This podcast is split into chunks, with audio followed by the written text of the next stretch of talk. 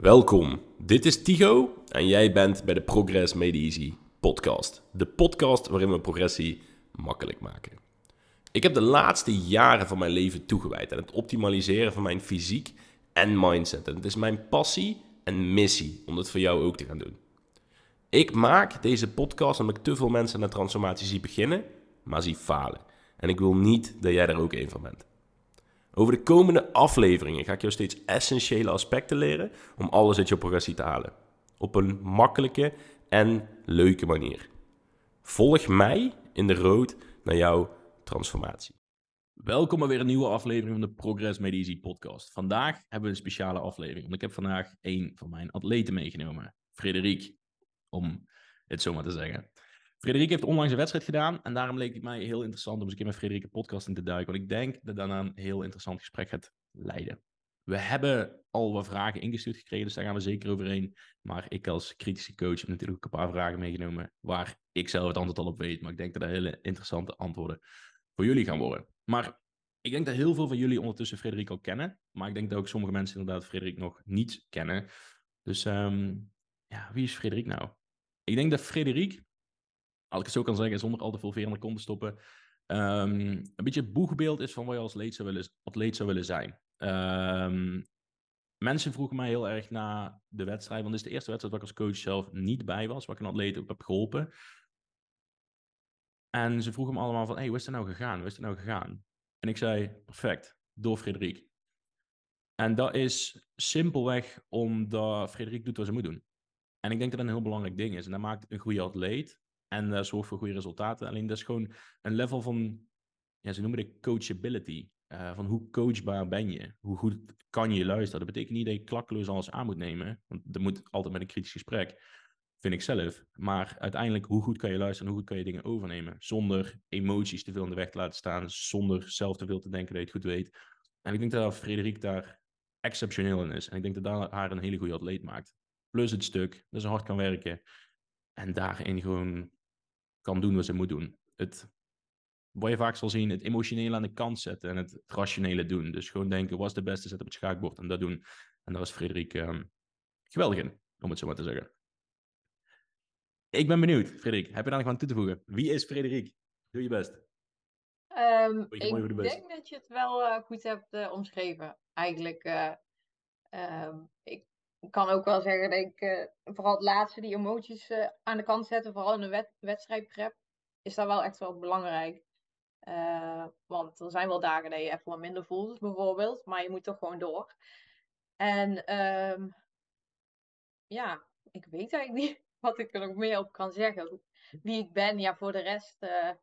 Um, ja, mijn leeftijd is 24, nou, daar hebben we aan. Maar voor de rest. Welke klasse doe je? Oh ja, dat is een goede. Bikini. Bikini-klasse. Bikini. En hoeveel wedstrijden heb je gehad? In totaal nu drie. Kijk, drie wedstrijden. Dus dat valt wel mee, ja. Maar toch kan je in drie goede wedstrijden heel veel ervaring opdoen die sommige mensen na vijf wedstrijden nog niet hebben. Klopt, als ik kijk naar die eerste wedstrijd, daar heb ik heel veel geleerd. Uh, die ervaring en het zelfvertrouwen wat ik toen heb opgebouwd tijdens de wedstrijd, uh, straalde ik ook al wel uit op de tweede wedstrijd, moet ik zeggen. En op de derde wedstrijd ging het alweer beter. Dus uh, ja, ik denk dat per persoon ook al anders is uh, hoe dat zich ontwikkelt. Maar bij mij ging het al redelijk snel. Al heb ik vroeger wel al vaker op het podium gestaan, uh, maar dan op het toneelpodium. Dan ben je er toch ja, heel anders onder op een podium dan als je dat nooit zou doen, denk ik. Ik weet niet. Dat weet ik niet, want ik was vroeger nergens op het podium te vinden. Maar uiteindelijk stond ik er wel in mijn onderbroek op. Ja. Dus terwijl een toneelpodium had je mij nooit gevonden. Maar um, nee, dat is, dat is zeker. Want natuurlijk heb ik ook met Frederik de eerste wedstrijd meegemaakt. Dus hebben we toen uiteindelijk een keer begonnen. En toen, uh, toen zijn we doorgerold naar het, uh, naar het tweede wedstrijdseizoen. Uh, de eerste keer was tijdens corona. Toen gingen we last minute nog ineens naar Luxemburg toe. Dat was ook wel een ritje. Maar was wel, was wel leuk. Was gezellig. Um, ja. Met daar ook, daar ook zeer goed kunnen doen. Dus dat is, dat is top. Ik moet er wel aan toevoegen. Alhoewel het geweldig was om al die ervaring op te doen op die eerste wedstrijd, zou ik het zeker niemand aanraden om gewoon een wedstrijd te doen voor de ervaring. Als je een wedstrijd nee. doet, doe hem alsjeblieft om te winnen. Uh, dat is gewoon een kleine side note die ik aan mee wil geven. maar ja. het, het, mooie is, um, we hebben natuurlijk al een paar vragen staan. Dus ik wil eigenlijk gewoon lekker, uh, lekker die, die vragen ingerollen. Anders dan um, denk ik dat we ongestructureerd ook wel een, een uur vol kunnen lullen. Maar um, We hadden een paar goede vragen gekregen. Uh, daar wil ik beginnen en dan daarna kom ik met mijn kritische, kritische vragen aangezet. Frederik, hoe ga je om met lastige momenten? Um, dan ga ik nu die vraag toepassen op wedstrijdprep vooral. Um, ik zal ook eventjes uh, de, de bulkfase als het ware ook nog wel even koppelen. Maar lastige momenten, ja, je kan een lastig moment bijvoorbeeld een sociale situatie, dat er heel veel eten is. Uh, en uh, mensen vragen je om mee te doen en doe gewoon mee. Dat kan een lastige situatie zijn. Vooral als atleet zijnde. Uh, ik ben dan de atleet die zegt: uh, nee, mijn doel is sterk genoeg. ik kan gewoon nu niet afwijken. En dat zal wel een tijd komen. En mijn omgeving snapt dan wel. Maar er zijn voor genoeg meiden waarschijnlijk ook omgevingen waar dat dan nog niet zo goed begrepen is. Ehm, dan zou ik in ieder geval aanraden om het toch wel duidelijk te maken aan de personen. En het toch maar gewoon soort van los te laten dat niet iedereen het gaat begrijpen. Sowieso niet als je er net in rolt. Dan uh, zal niet iedereen de sport begrijpen en uh, de toewijding die je moet hebben aan een dieet en aan je stappen en de cardio en dit en dat. Dus uh, ja, die lastige momenten moet ik zeggen, heb ik niet zoveel, omdat iedereen weet, oké, ze staan mee bezig. boeien, dat is haar leven.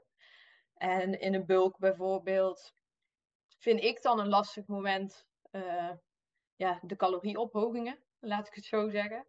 Steeds meer moeten gaan eten. Uh, dat kan voor veel mensen ook weer lastig zijn. Uh, maar daarin probeer ik te, te, relativeren een beetje van ja, ik doe het voor het doel. Eh, en ehm, ja, het is gewoon nodig om mij verder te krijgen uiteindelijk in de sport. En ik weet dat het er uiteindelijk ook weer toch afgaat. Dus als ik zeg, ja, daar zijn de lastige momenten misschien in een kut. Dat je ooit nee moet zeggen. En in bulk ooit dus vaker ja moet zeggen. Dat beschouw ik als lastige momenten. En voor de rest, qua trainingen, heb ik nooit zo lastige momenten. Kijk, duidelijk. Dat is echt heel veel wat ik op in wil haken. ik, uh, ik ben benieuwd waar ik naar zelf ga beginnen. Um, ik gebruik altijd één frame voor mezelf. En dat is, als ik kijk naar lastige momenten, dan, um, ja, we komen zo meteen op het stukje bulk. Die wil ik nou even links laten liggen. Maar ik probeer me dan altijd mezelf in de toekomst te zetten. En dan te kijken naar de situatie, dat als ik het nou fout zou doen, wat dan me zou brengen. En als ik het goed zou doen, wat dan me zou brengen. Want heel veel mensen zijn daar niet mee bezig. Die zijn ze maar ja, ik zeg altijd, de meeste mensen hebben geen probleem ze geen motivatie hebben. De meeste mensen hebben geen clarity. Van waarom doe ik nou daadwerkelijk wat ik doe? Wat brengt doen wat ik zeg dat ik wil doen, daadwerkelijk in mijn leven, waardoor ik daadwerkelijk ook echt wil gaan doen. Want heel veel mensen roepen iets, maar weten eigenlijk niet precies waarom. En ik denk als je dat niet weet, dat zeg maar jouw plan, jouw grote masterplan is mijn dieet aanhouden, zonder te snappen waarom je dat nou precies doet. Want kijk, als je op een podium wil gaan shine en je wil het doen omdat je dan eindelijk trots op jezelf kan zijn, want dan ben je nog nooit in je leven geweest. Ik zeg maar iets. Snap je? Dat is, dat is iets heel, dat is een heel stuk sterker als ik heb vijf maaltijden op mijn plan staan en die moet ik halen. Want ook in het moment dat je één maaltijd niet hebt kunnen halen, is het plan toch al verpest. En dan zie je mensen, ja, in plaats van dat ze één lekke band hebben, vaak vier, vier lekke banden ervan maken.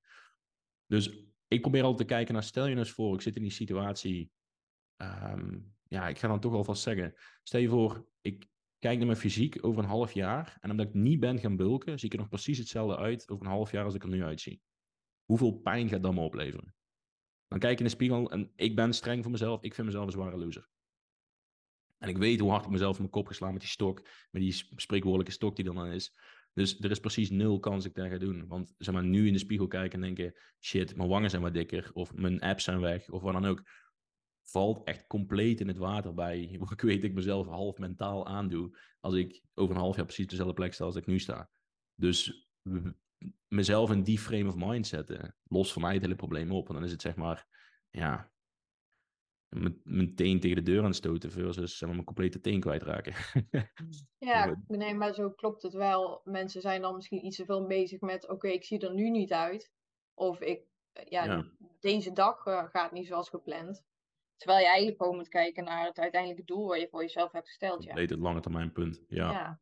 En het andere stuk wat je zei, vond ik ook wel heel interessant. Want ik heb zo vaak met mensen, dat ze inderdaad zeggen, ja, krijg je een support vanuit de mensen om me heen. En dan zeg ik altijd, mm. één, eerst, je doet het voor je fucking zelf. Waarom zou je support moeten hebben? Dat is één. Maar verwacht niet dat je support krijgt. Doe het voor jezelf. Dat is één. En twee is, heb je ooit het gesprek gehad? Dan zeggen ze, wat bedoel je? Heb je ooit daadwerkelijk tegen hun gezegd waarom dat je wil doen wat je moet doen? Zeg maar, dat gesprek wat ik net eigenlijk zei, waarin over jezelf, dat je eindelijk eens een keer trots op jezelf kan zijn. Bij heel veel mensen zitten gewoon in die plek. Dat klinkt heel sneu, maar heel veel mensen zitten in die plek dat zichzelf echt zwaar slecht over zichzelf voelen. Omdat ze altijd, omdat ze altijd out of shape zijn. Dat is altijd als ze in de spiegel kijken en ze zwaar ontevreden hoe dat ze eruit zien. Als je dan nou eens tegen je vriendinnen vertelt, in plaats van, ik heb een dieet.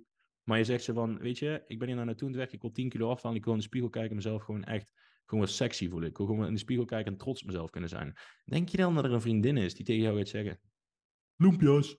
Nee. Ja. Snap je? En anders weet je meteen wat een goede vriendin dat is. En heel veel mensen hebben dat gesprek nooit gehad. Of als ze dan nee zeggen. Ik zeg altijd, als je nee zegt, zeg het met een punt, niet met een komma. Heel veel mensen zeggen van nee, komma, maar als het echt moet, dan wel.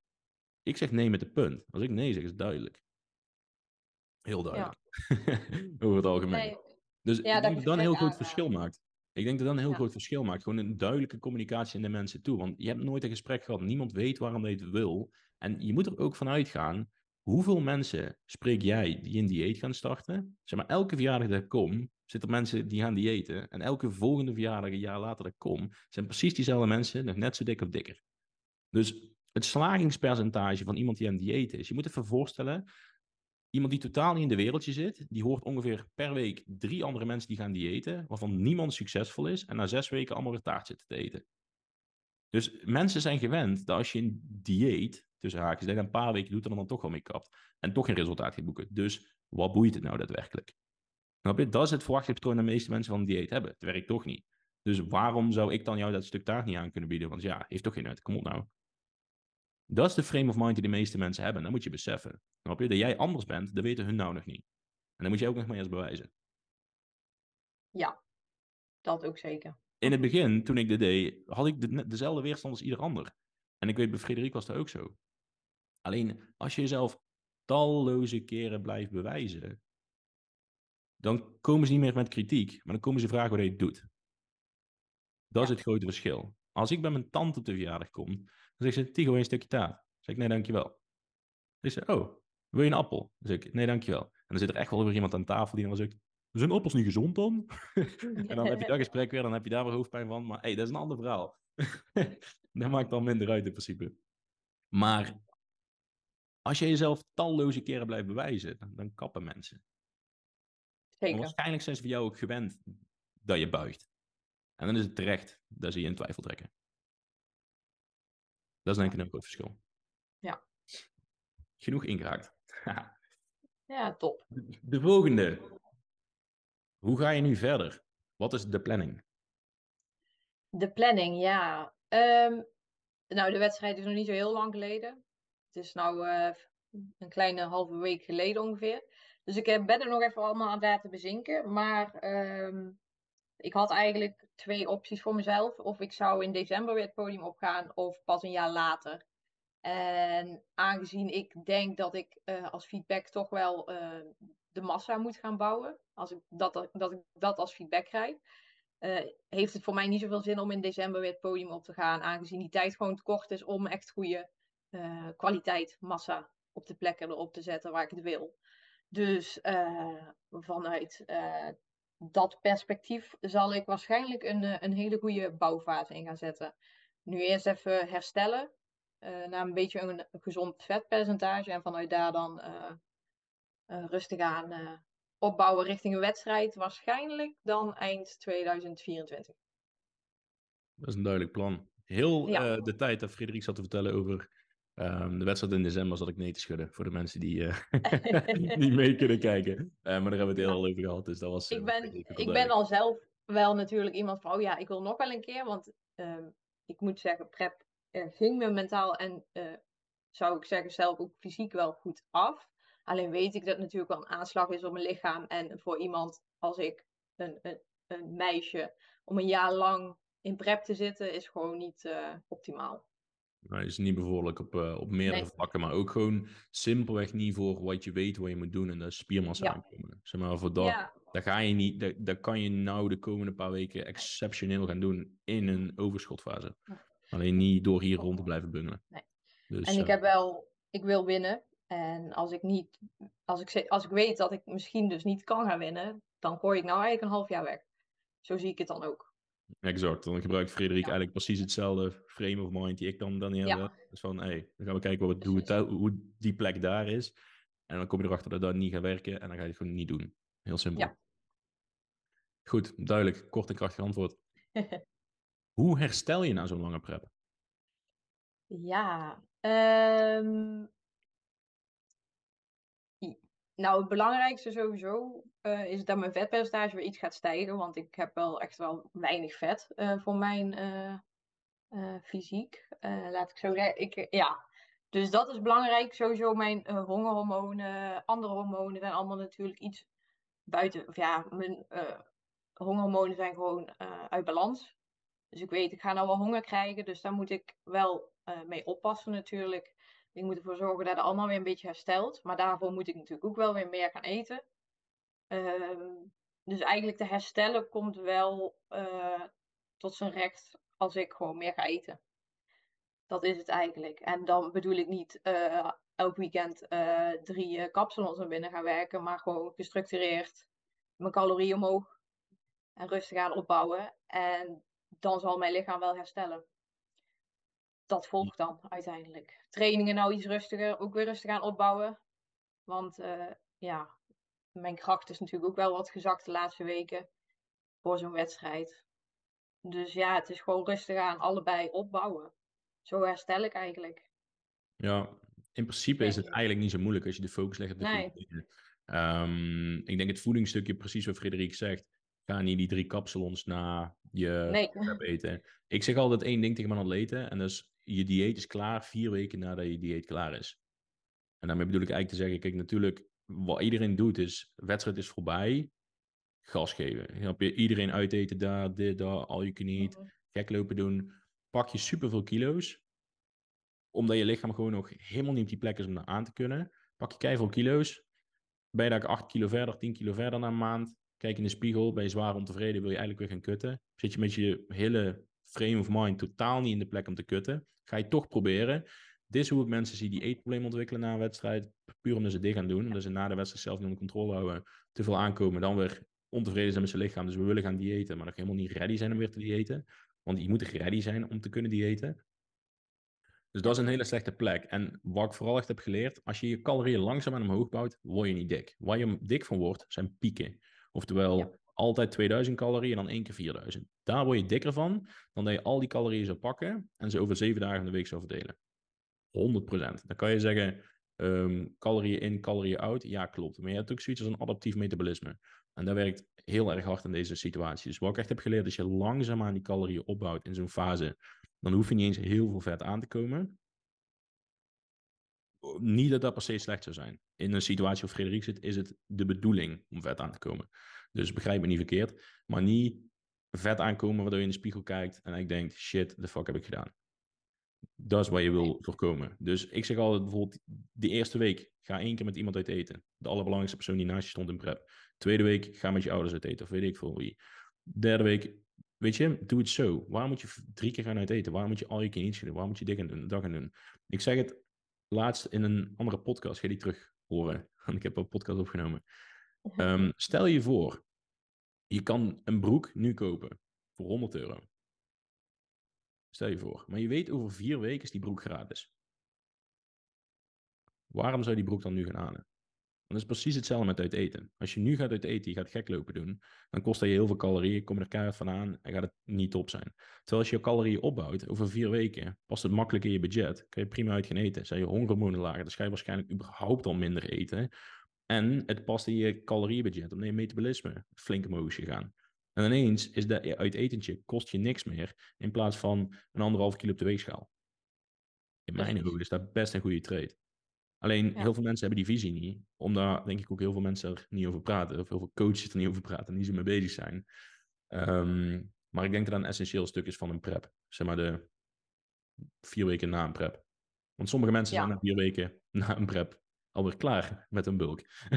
ja, ja die zit op het vetpercentage waar je eigenlijk je bulk op wil eindigen. In, ja, waar je dan waar je zeg maar vijf maanden over had moeten doen. Ja. Ehm, daar hebben ze dan vier weken voor elkaar weer te boksen. En dan zit je gewoon in een hele slechte plek. Want dan kan je eigenlijk in mijn ogen maar één ding doen. En dat is toch nog steeds door gaan bulken. Omdat je qua frame of mind niet op de plek zit om te gaan diëten. En ik heb een, ja, eerlijk gezegd niet heel veel onder mijn begeleiding gezien. Omdat ik daar ja, redelijk voor oplet, om het zo maar te zeggen. En mensen daarvan afhouden. Maar ik heb het heel veel onder gewoon andere atleten gezien. Die daarna met die tactiek precies echt, echt flinke eetproblemen hebben ontwikkeld. Dat het daarna gewoon maanden en maanden mee aan het stoeien zijn. Dus dat is één belangrijk ding wat je moet doen na een wedstrijd. Is gewoon controle houden. Um, en beseffen dat je dieet nog niet klaar is. Je dieet is klaar vier weken nadat je dieet klaar is. Als je een goede hoeveelheid hebt gereversed diet, vanuit daar zit je dan op een goede plek om al die ja. gekheid te doen. En geloof me, al die shit boeit je dan niet eens meer. Ik heb altijd zin in prep in Chinees. Ik heb, ik heb oprecht, hè. Mijn laatste prep... Frederik gaat nou ook een verhaal vertellen, dus ik aan het gezicht. Um, mijn laatste prep liep ik elke keer dus langs de Chinees af om mijn stappendoel te halen. En uh, mijn laatste wedstrijd is volgens mij drie, vier jaar geleden of zo. Zoiets. En um, ik heb sindsdien geen Chinees gegeten. Maar tijdens die prep, ik zweer het, ik had een kind vermoord om Chinees te kunnen eten. Calorievrij. Ik zweer het. En ik heb sindsdien, zeg maar, na die wedstrijd klaar was, heb ik nooit meer Chinees gehad. Je krijgt gewoon zin in dingen die, helemaal niet, die je helemaal niet boeien. Dus ik ga daar ook geen planning op maken, op weten de dingen die boeien. Of die mensen die bijvoorbeeld echt gewoon een complete big shopper aan troepen huis halen, een week voor een wedstrijd. No, ik zal je iets vertellen en dan gaat het misschien zo'n schok klinken, maar na de wedstrijd is de winkel ook open. Dan kan je ook halen wat je wil halen, snap je? Dus bij mij is het oprecht verboden om dingen te kopen voor je wedstrijd. Dus maar neem, als je het echt wil, één ding mee in je wedstrijd. Of bak een leuke taart, doe gezellig. Maar ga geen zooi in huis halen voor de dinsdag. Want geloof me, maandag heb je zelf zo ziek gevreten. En zon, zondag en maandag heb je zelf zo ziek gevreten. Waarschijnlijk. Dat je op dinsdag geen chocola meer wil zien. En dan ga je het gewoon maar opeten, omdat je het anders weg moet gooien. Nou, er is, je wil geen chocola in je diet eten. Je wil gewoon fatsoenlijke voeding eten waar je jezelf goed van voelt. Je hebt jezelf lang genoeg slecht gevoeld toen je een calorietekort hebt gezet. Ga je nou niet slecht voelen omdat je shit voeding eet? Ja, de, zie je toch wel veel backstage. Tassen met eten en noem maar op. Maar ik moet zeggen, ik heb het dus ook nooit gedaan. Alleen lekker wezen uiteten na de wedstrijd. En bij die eerste wedstrijd van ons zijn we eigenlijk, was ik maandag of dinsdag, heb ik gezegd, geef maar weer voedingsplan. Ja, we gaan er weer gewoon voor. Ja, wij zijn toen, we zijn, wij zijn toen samen zijn we wezen uit eten. Ja, dat klopt, ja. Ja, en daarna ben ik gewoon weer meteen doorgegaan. Dat was een perfecte doorloop. En nu was het natuurlijk na de tweede wedstrijd doorgaan met prep. Ja. Maar je moet wel gewoon uh, ja, toch aan je volgende doel gaan werken en niet uh, ja, misschien, gaan eten. Misschien komt er ook wel omdat ik echt gewoon heel veel waarde ben gehecht aan gewoon kwaliteit voeding. En mhm. ik eigenlijk bijna altijd zeg van als er plastic omheen zit, dan hoef ik het niet. Um, dat is wel een beetje zo van de mindset, de voeding die ik heb gekregen. Want ik wil dat voeding mij goed laat voelen en niet slecht laat voelen. En ik heb heel snel bijvoorbeeld als ik een reep chocola eet of zo. Ik, ik ga me er niet beter van voelen of zo. Ik word er alleen maar lam van. Dus ik, ik vind al die dingen vind ik gewoon over het algemeen gewoon totaal niet interessant om dat te eten. Dus kijk, als ik nou kan kiezen tussen na de wedstrijd een reep chocola opeten of uh, een complete Tony Chocoloni taart of weet ik veel wat mensen allemaal zo hoofd halen. Of je kan gewoon gaan uit eten met je familie. zo. Ja. ja, dan kan ik niet snappen dat mensen voor de eerste ding kiezen. Alleen dat is meestal omdat ze nog niet in de goede frame of mind zitten. Dus ze denken dat dat hun gelukkig gaat maken. Je ziet het vooral bij de beginnend atleten, vooral die een eerste wedstrijd doen en pas een half jaar prep hebben en überhaupt in de sportschool staan. En als je kijkt, ja, wij zijn wel ervaren bodybuilders. Uh, wij zien de waarde van goed voedsel. Je voelt je er gewoon beter door. Dus dan ga je toch niet aan die chocoladereep, nee. ik, ik, had een, um, ik had laatst gesprek met een cliënt die dus ook al langs de wedstrijd bij me heeft gedaan. En um, hij zei, ja, Tigo, je had gelijk. Ik denk, oh, ik ben zo benieuwd wat er nou gaat komen, want ik weet het eigenlijk al. Maar je mag het ook even hardop zeggen. Hij zei, ja, ja, je zei dat toen dat, eten, zeg maar, dat, toen allemaal zo interessant klonk. En nou denk ik echt, waarom heb ik die zo gegeten? Waarom had ik die cravings? Ja, maar, maar ik heb het je verteld, snap je? Maar als jij je eerste keer in het vuur moet branden voordat je het kan zien, dan moet je dat doen, snap je? Want dat is de enige manier voor jou blijkbaar om, om het toch ja, te zaakjes te leren. Maar ik zei, er is een reden waarom sommige... Kijk, de, veel mensen verneuken het na zijn eerste wedstrijd. Grof gezegd. Sommige mensen na zijn tweede wedstrijd. Maar niemand meer na zijn vierde wedstrijd. En er is een reden. er is een reden, omdat het slechter is en minder chill is en minder goed is. Snap je? Dat is heel duidelijk te zien. Als 80% doet op de eerste wedstrijd. 30% doet op zijn tweede wedstrijd. 10% op zijn derde wedstrijd. En niemand op zijn vierde wedstrijd. Dan heeft dat zeg maar een reden. Blijkbaar is er een heel duidelijke trendlijn zichtbaar met ervaring. Dat iedereen erachter komt dat het eigenlijk gewoon shit is. Snap je? En dan kan je maar beter voor je eerste wedstrijd achterkomen dat het shit is. Dan, dan aan je derde. Maar over het algemeen, je ziet het toch vaak. Met, met een beetje coaching kan je al ver komen. Maar ik zie het ook heel vaak dat sommige mensen moeten zich gewoon even aan de vuur branden. En dan probeer je het zeg maar, te limiteren hoeveel pijn ze hebben. Maar ze hebben dat fikkie toch even nodig. Snap je? Dat ze zich gewoon het verpesten en zich kut voelen erom. En dan vanuit die plek dan ervan leren pas. ja, sommige mensen hebben dat nodig. En dat is jammer, want het liefst boet ik ze voor die fouten. Maar kijk, als dat dan degene is waardoor je het echt leert en echt niet meer wil. En ja, dat echt voor je duidelijk is. 100%. Weet je, prima. Ik had ook zo'n moment dat ik na de wedstrijd ging, um, ging toen met mensen gingen we naar de, naar de markthal. En toen oh, was het ja. is natuurlijk ook allemaal eten en zo. Maar ja, dat is ook niet echt heel kwalitatief goed. En toen gingen we daarna uit eten. En ik, zat zo, ik was zo bloated van al die rommel die ik had gehad in die markthallen. Dat ik echt aan tafel zat en ik halverwege mijn, mijn voorgerecht tapte ik gewoon uit. Zeg maar gewoon net als bij, bij worstelen. Gewoon, ik tapte uit. Ik was echt, ik zei, maar ik, ik hoef niks meer. Ik niks meer gehad. Lag daarna op bed. En ik dacht echt, jezus. Dan heb ik echt gewoon mezelf twaalf weken miserabel. Ik had dan ook een prep doorgetrokken. Eh, twaalf weken miserabel gevoeld. Omdat ik te weinig kon eten. En dan kan ik eten en dan voel ik me nog slechter. Ik zo, de fuck ben ik mee bezig? En dat was bij mij, toen ging de knop om. Ik denk, ik ga het nooit meer doen. Dit slaat nergens op. Maar, ik kan me goed voelen, maar ik kies ervoor om me slecht te voelen tot ik troep ga eten. Het is nog gewoon normale dingen eten, voel ik me goed. En dat was bij mij was toen de knop om. Snap je? Dat was mijn vuur, waar ik me toen aan brandde. En dat was eerlijk gezegd niet eens 100% zelf gekozen, want ik ging daar niet in omdat ik er zelf gekozen had. Maar goed, hey, een beetje accountability pakken. Uh, uiteindelijk stond ik het zelf in mijn mond. Dus Weet je, maar 100% van geleerd. En dat is juist super waardevol. En dat kan ik nou weer doorbrengen op andere mensen. Dus dat is prima. Alleen, ja, soms moeten mensen gewoon even goed branden. Ja. Dat is alleen maar top. Goeie vraag was dat. Wat geef je als tip mee aan andere meiden om een coach te kiezen? Ja, um, ga sowieso even op onderzoek uit. Wie er allemaal zijn als coaches natuurlijk. Uh, ga bij andere meiden die je misschien kent even uh, wat informatie opvragen over hoe die coach is van haar bijvoorbeeld. Uh, ga zelf natuurlijk gesprekken inplannen met coaches waarvan je denkt, oké, dit is een goede match. Je vindt zijn of haar werkwijze wel bij je passen waarschijnlijk. Ehm, wat hij of zij deelt. Kan je je in plaatsen, ik noem maar iets. Gewoon, je moet vooral een beetje op je gevoel afgaan waarvan je denkt, oké, dit denk ik wel dat dit de juiste persoon voor mij is. En als ik kijk dan hoe ik bij Tigo terecht ben gekomen. Uh, wij woonden toevallig allebei ongeveer in hetzelfde dorp. En daarvan wist Nooit ik eigenlijk... Nooit gesproken over. Nee. Nooit. Nee, wel bij elkaar ook nog een jaar op school gezeten, maar nee. Dus um, toen ben ik uiteindelijk wel zo, ja, via toch gewoon uh, uiteindelijk uh, uh, een gesprek aangaan bij hem terechtgekomen. Want ik dacht van, oké, ja, ik denk dat hij wel een goede match kan zijn. En hij ging toen ook voor zichzelf beginnen natuurlijk. En hij had nog geen vrouwelijke atleten. Dus ik vond het op zich ook wel leuk om dan de eerste vrouwelijke atleet te zijn. Volgens mij geen vrouw, wel vrouwelijke atleten, maar geen wedstrijdatleten, volgens mij. Geen, wedstrijd, nee, hè, want ik wilde bij jou natuurlijk die wedstrijd gaan doen. Uh, daar hebben we uiteindelijk ook gepland.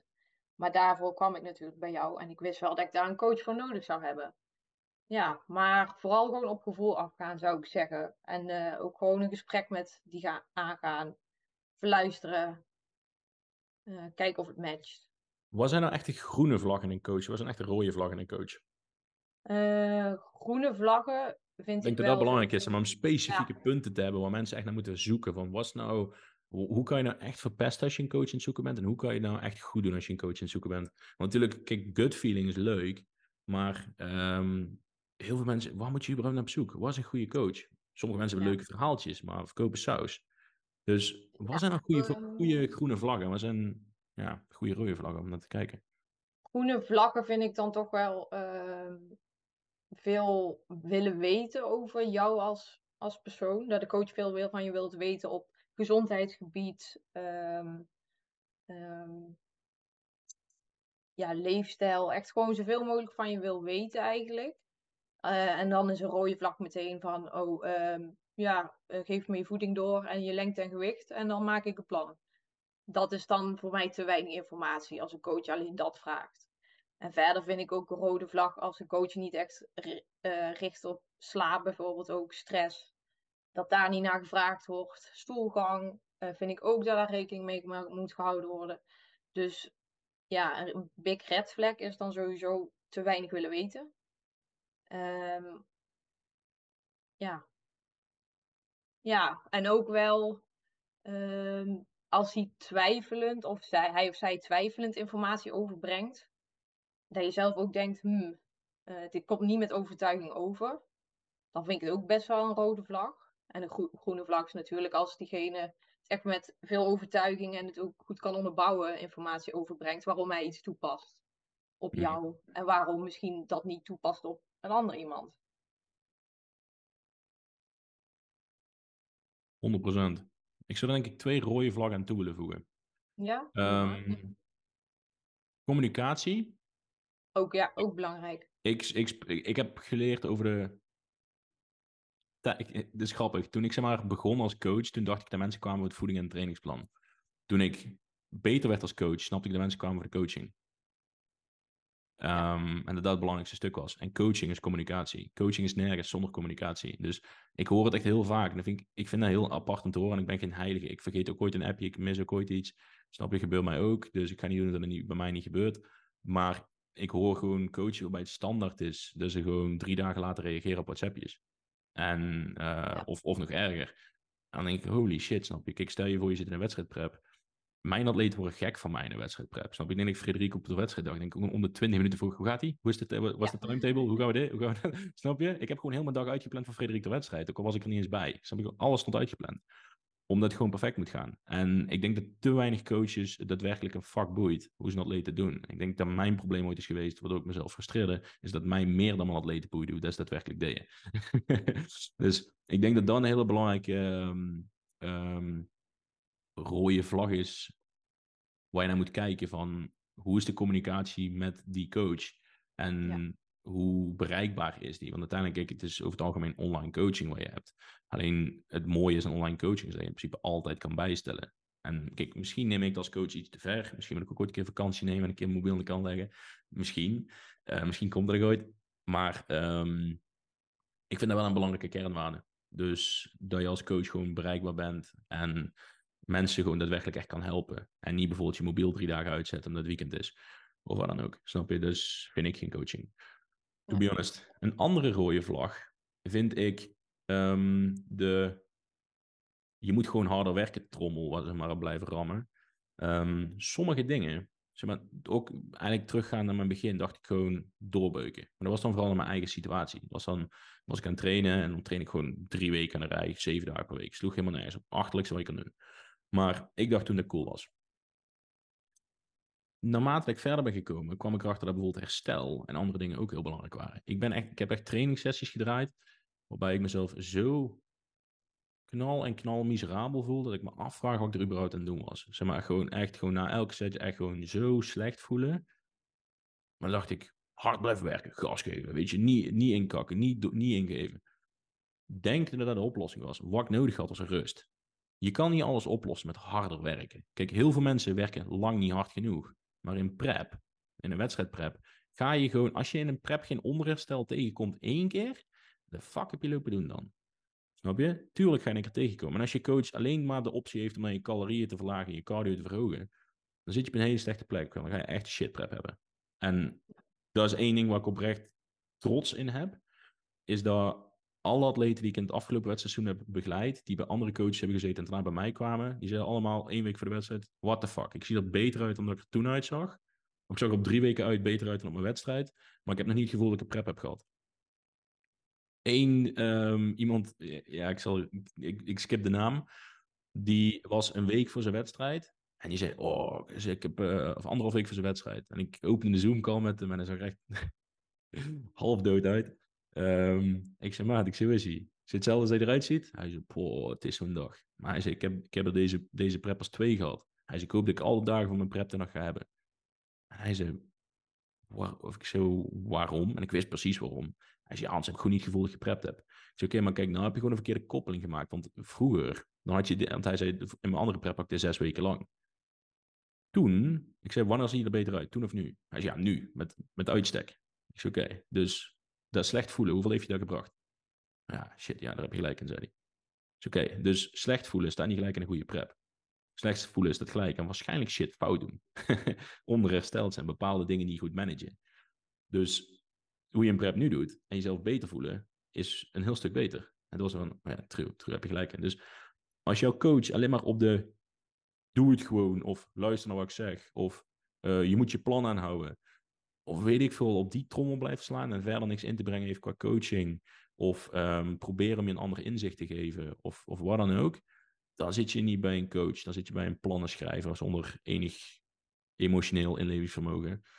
Um, dan ga je waarschijnlijk weinig succes boeken. Als je, zeg maar, tenzij zo'n atleet bent die zich gewoon een plan krijgt en zich eraan houdt, prima. Maar als je die atleet niet bent, dan ga je daar niet winnen. 0%. Dus ik denk dat dat twee belangrijke dingen zijn die ik zo even uit mijn mouw kan schudden, die ik heel belangrijk zou vinden in een coach. Uh, maar ja, dan kom ik natuurlijk uit de positie waarbij ik heel veel atleten heb die zich bij mij aanmelden, die met verhalen komen, waar ik spontaan van kan gaan huilen, als ik dat kan. um, dus um, ik denk dat dat een hele goede is. Ja. Zou ik ja, een groene vlag doen, om het lekker positief te houden? Ja. Uh, wat is nou een groene vlag?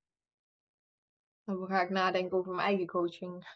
ja, ik, ik, ik denk dat ik eigenlijk terug zou komen op iets wat ik eerder zei. Ah, dat je merkt dat je coach het resultaat net zo graag of liever wil dan jij.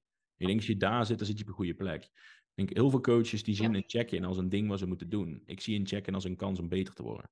Snap je van, oké, hoe kunnen... Ik, ik, zeg maar, ik probeer elke check-in gewoon te bekijken op een manier van, oké, hoe kan ik dit plan naar een nieuw niveau tillen?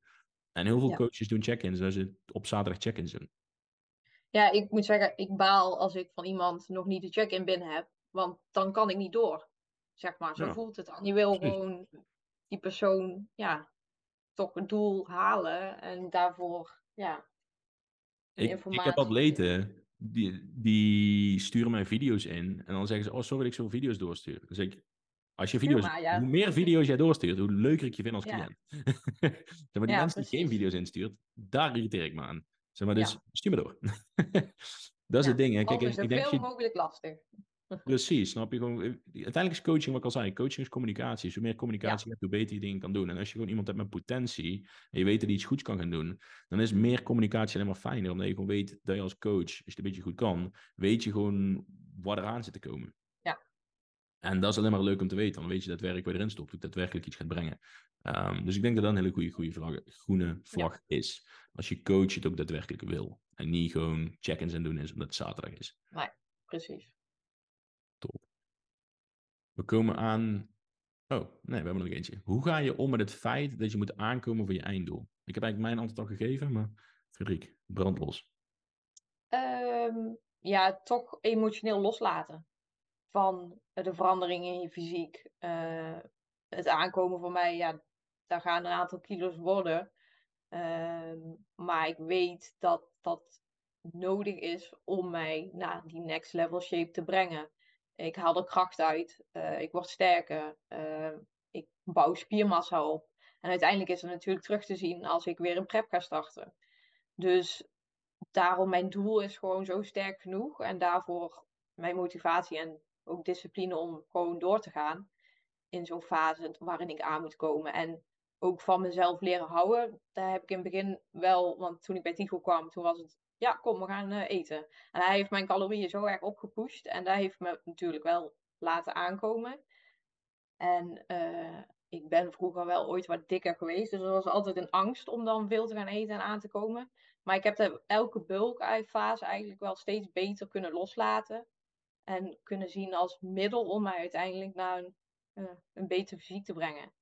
En elke bulkfase ben ik ook uiteindelijk weer beter uitgekomen. Zo, ja, dus ik weet waar ik het voor doe. En dat is gewoon wel belangrijk. Dat je weet waar je het voor doet. 100%. 100%. Ik zou er ook twee punten aan toe willen voegen. Ja.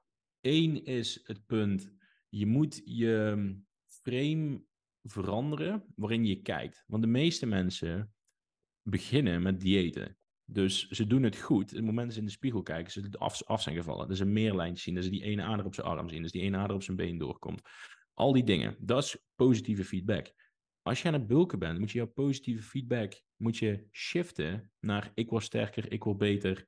Um, alles gaat beter, snap je? Dus je moet, je moet jouw frame van positieve feedback moet je veranderen. Want als je in jouw dieet frame blijft hangen, dan ga je alleen maar negatieve feedback krijgen. Dan ga je in de spiegel kijken en denk je, oh, ik ben weer aangekomen. Oh, oh mijn buikspieren zijn bijna niet meer zichtbaar. Dan ga je zo leven. Terwijl als je alleen maar focust op het stuk dat je sterker wordt, dat je beter wordt. Want heel eerlijk, in een bulkfase zie je vaak niet wat je bereikt hebt. Tot het punt dat je op een gegeven moment weer terug bent gekut. Dus je moet sowieso die, je moet het in de lange baan zetten en gaan kijken van oké, stel je nou eens voor, ik ga zes maanden bulken. Hoe zou ik er dan uitzien? Laten we over zes maanden eens kijken. Ondertussen natuurlijk blijf je je checks doen om te kijken van gaat het goed, doe ik het daar. Maar probeer zeg maar jouw frame of mind te verlengen. Want kijk, in een dieetfase kan je elke week kijken en als je het goed doet, elke week resultaat zien. In een bulkfase zie je dat niet. Dus je moet het accepteren. Ik denk dat dat een belangrijk stuk is. Acceptatie is belangrijk en ik denk als vrouw uh, is het misschien ook wel goed om het op een manier te zien van ik krijg weer wat meer vrouwelijke vormen. Uh, dat kan je ook als iets positiefs zien. Uh, weer meer energie. Uh, energie om leuke dingen te doen. Ja, en die kracht. Ja. Zeker, zeker. En tweede zei Frederik net eigenlijk al, je moet van jezelf leren houden. Kijk, als jij heel jouw eigen waarde bindt aan het plaatje in de spiegel, en dat plaatje in de spiegel er vermindert, dan, is het, dan heb je niks meer om vast te houden. Dus als dat het enige is wat je hebt, je fysieke appearance, en die begint af te nemen, dan ga je, dan ga je, het, zwaar, dan ga je het zwaar krijgen. Maar als jij ook dingen buiten je fysiek om hebt die jouw eigenwaarde representeren, dan, zeg maar, het is een beetje hetzelfde als je je huis bouwt op één pilaar. Ja, en die ene pilaar die stort in, dan is je huis weg. Maar als je, zeg maar, tien pilaren hebt waar je je huis bezet, dan kan er best één wegvallen.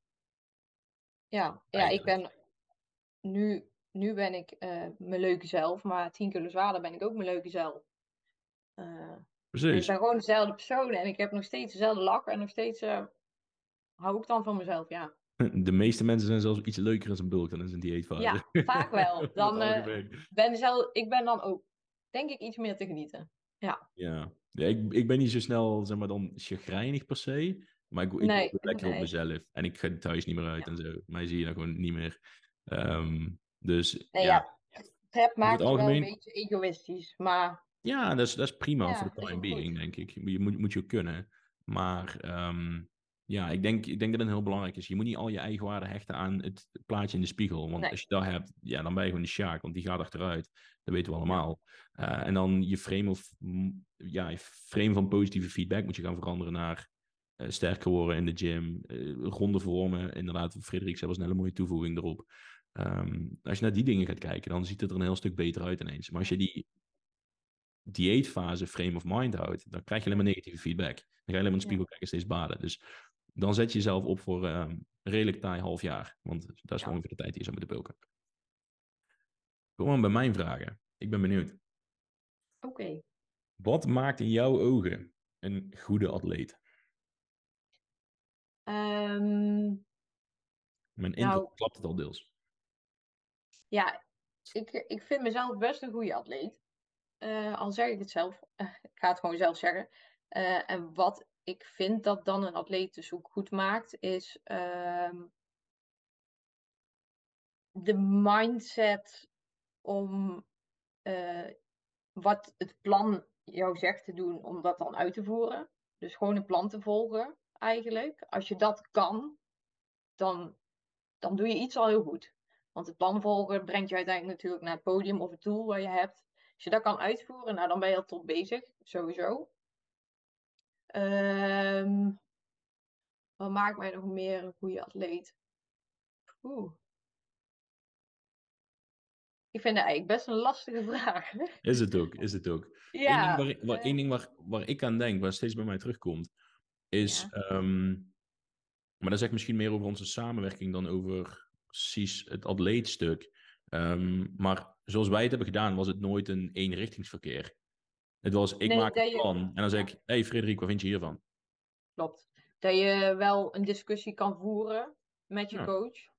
Dat vind ik ook wel sowieso als atleet uh, moet je dat ook wel kunnen doen. Je moet niet klakkeloos alles volgen. Dus, nee, dat lijkt uh, zelden tot de beste oplossing. Maar Frederik gaat gewoon... Bijna alle dingen gingen dan bijvoorbeeld over vertering. Hé hey Frederik, hoe denk je dat dit zou gaan? Hé hey Frederik, hoe denk je dat dit zou gaan? Zeg maar, ik als coach kan natuurlijk wel mijn notities maken. En ik weet in mijn hoofd ongeveer wel een paar dingen. Maar sommige dingen weet ik niet. Dan moet ik gewoon feedback van Frederik voor hebben. Snap je? En dat is wederom coaching, is communicatie. Komt een stuk weer terug. Dus dat is heel belangrijk. Ja.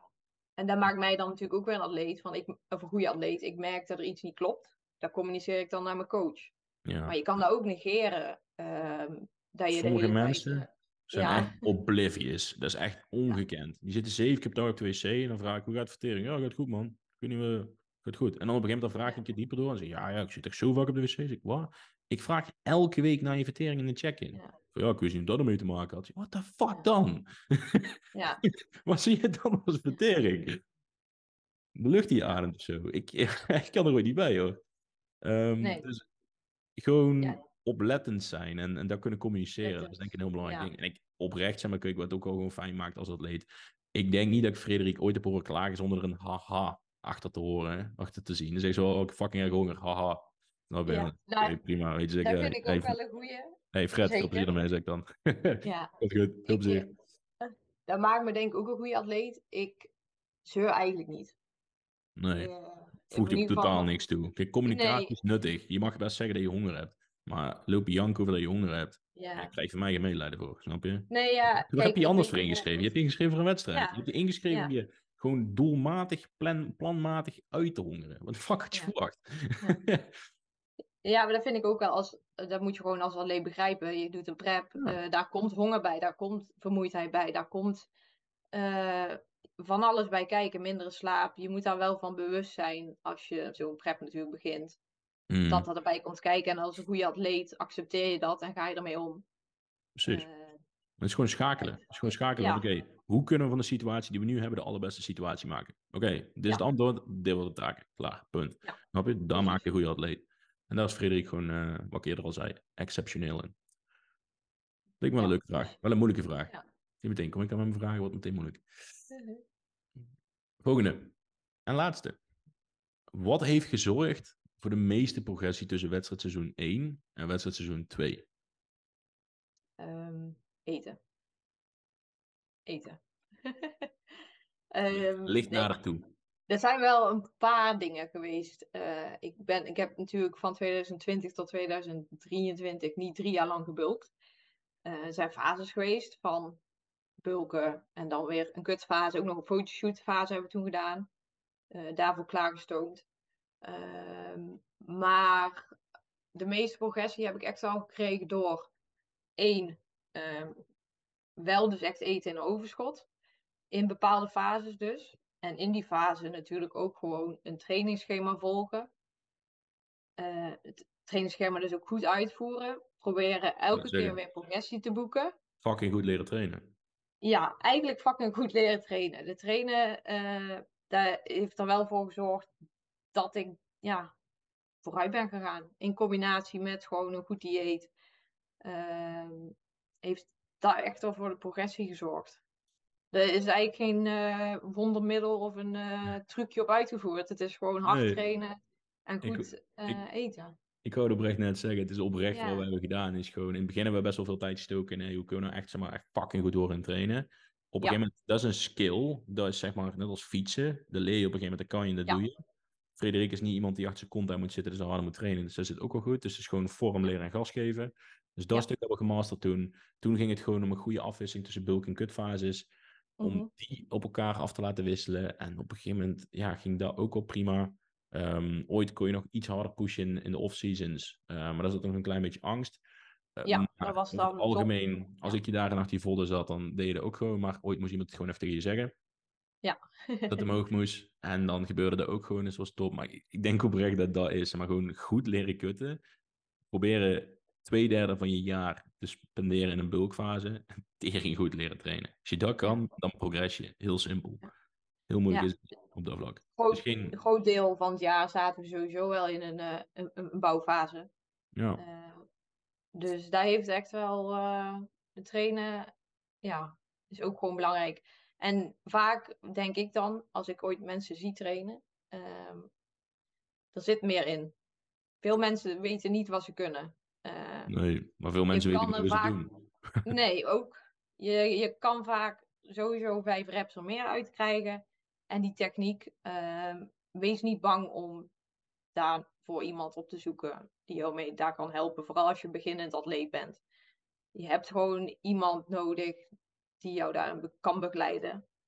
Ja, en eigenlijk is... ook als je gevorderd atleet bent, je kan altijd nog feedback vragen op uh, bepaalde oefeningen. Want het kan echt altijd zijn dat ja, nog niet perfect gaat. Um, en als jij je vorm verbetert, daarmee gaat het uiteindelijk, uiteindelijk ook beter. Uh, spiergroei, et cetera. Duizend procent. Kijk, uiteindelijk, en dat klinkt heel stom om dat misschien aan mijn oren te horen, of bij mijn mond te horen, in je oren. maar als je gaat kijken, het hele concept van de sportschool slaat helemaal nergens op. Want ik heb vroeger gevoetbald. Ik heb geen dag op het voetbalveld gestaan zonder voetbaltrainer. Maar als je de gym in loopt, dan is van, hey, daar is de krachttraining, daar is de cardio, hier is je handdoek, flesje water, veel plezier. En dan word je, gewoon een pad, word je gewoon een pad gestuurd. En dan moet je maar weten hoe die oefening werkt. Dus wat ga je doen? Je kijkt naar zo'n apparaat, daar zit iemand op, die ook geen fucking flauw idee voor die aan het doen is. Die heeft ook nooit een boek open gedaan, die heeft ook nooit een studie gedaan, die heeft ook nooit iets geleerd. Die is ook gewoon iemand anders na doen. En dan denk je van, ik ga zo goed mogelijk nadoen wat hij aan het doen is. En dat is het enige wat je doet. En dan op een gegeven moment, dan doe je dat drie jaar. En dan zeg je, ja, ik train al drie jaar. Ja, op welke basis? Je hebt nooit iets geleerd. Je, je bent oprecht aan het trainen op de dingen die je ooit gedaan hebt. Dus die je ooit gezien hebt. En gewoon, het is gewoon monkey see, monkey do in de gym. Ik heb nog nooit atleten gehad die bij mij zijn begonnen. Waarbij ik dacht, je traint echt perfect. Nog nooit gehad. Nog nooit. Iedereen kan bijleren. En het zijn elke keer die momenten dat je dingen... Um, Randy bijvoorbeeld. Prachtig voorbeeld. Toen was het corona. Was het, het einde van corona. Hadden jullie bij de gym hadden jullie mooie uh, dingen buiten opgezet. Ging ik uh, bij Randy toen een keer trainen. En uh, toen, de eerste oefening. Hij zei, Tigo, what the fuck? Hij zei, is de eerste oefening. Helemaal drie keer verbeterd. Ik zei, maar, ik zeg, maar maakt niet uit, weet je. Blijf het toepassen, blijf het toepassen. Vier maanden later komt hij bij me aan. Drie maanden later komt hij bij me aan. Waar de gyms er open en alles. Ging hij poseren. Ik, hij trekt zijn shirt. maar wat, wat heb jij gedaan? Wat de fuck is dat? Hij zei, maar dat was die PT. Ineens was heel zijn, zijn bovenkant van zijn borst ontwikkeld, die, die eerst, eerst nooit lukte. Door één fucking PT. Terwijl iedereen denkt dat ze wel weten hoe ze een incline dumbbell moeten doen. Snap je? Dus het is zo belangrijk om goed te leren trainen. Alleen, we denken dat we het weten, maar dat is zo'n Dunning-Kruger effect. Als je iets leert, dan denk je dat je alles weet. Maar naarmate je meer begint te leren, kom je erachter hoe weinig dat je eigenlijk daadwerkelijk over het onderwerp weet. En het wordt dan eigenlijk heel erg scary, want je begint al steeds meer te leren. En dan kom je er steeds achter hoe dommer dat je nu nog bent, maar vooral hoe dommer je een jaar terug was.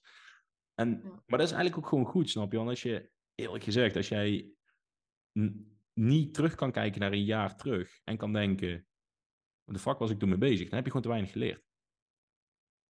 Ja. Klinkt als iets stoms, maar dan heb je gewoon te weinig geleerd. En uit mijn ervaring, ik denk echt ja, ik heb het al vaker gezegd, 80 tot 90 procent van de slechte genetics kan je, op, kan je gewoon oplossen door goed te leren trainen. Kijk, veel mensen hebben geen schouders, omdat ze gewoon nooit schouders trainen met traps. Ja, precies. En sowieso, als ik kijk, toen ik vooral bij jou in het begin, toen nam jij mij steeds op sleeptouw voor beentrainingen. maar uh, heeft ze vruchten afgewerpt, want ik had deze prep, zag ik gewoon drie koppen in mijn kwad staan.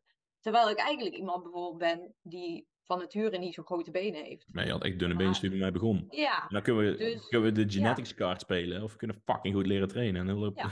heel ding in het water uitblazen.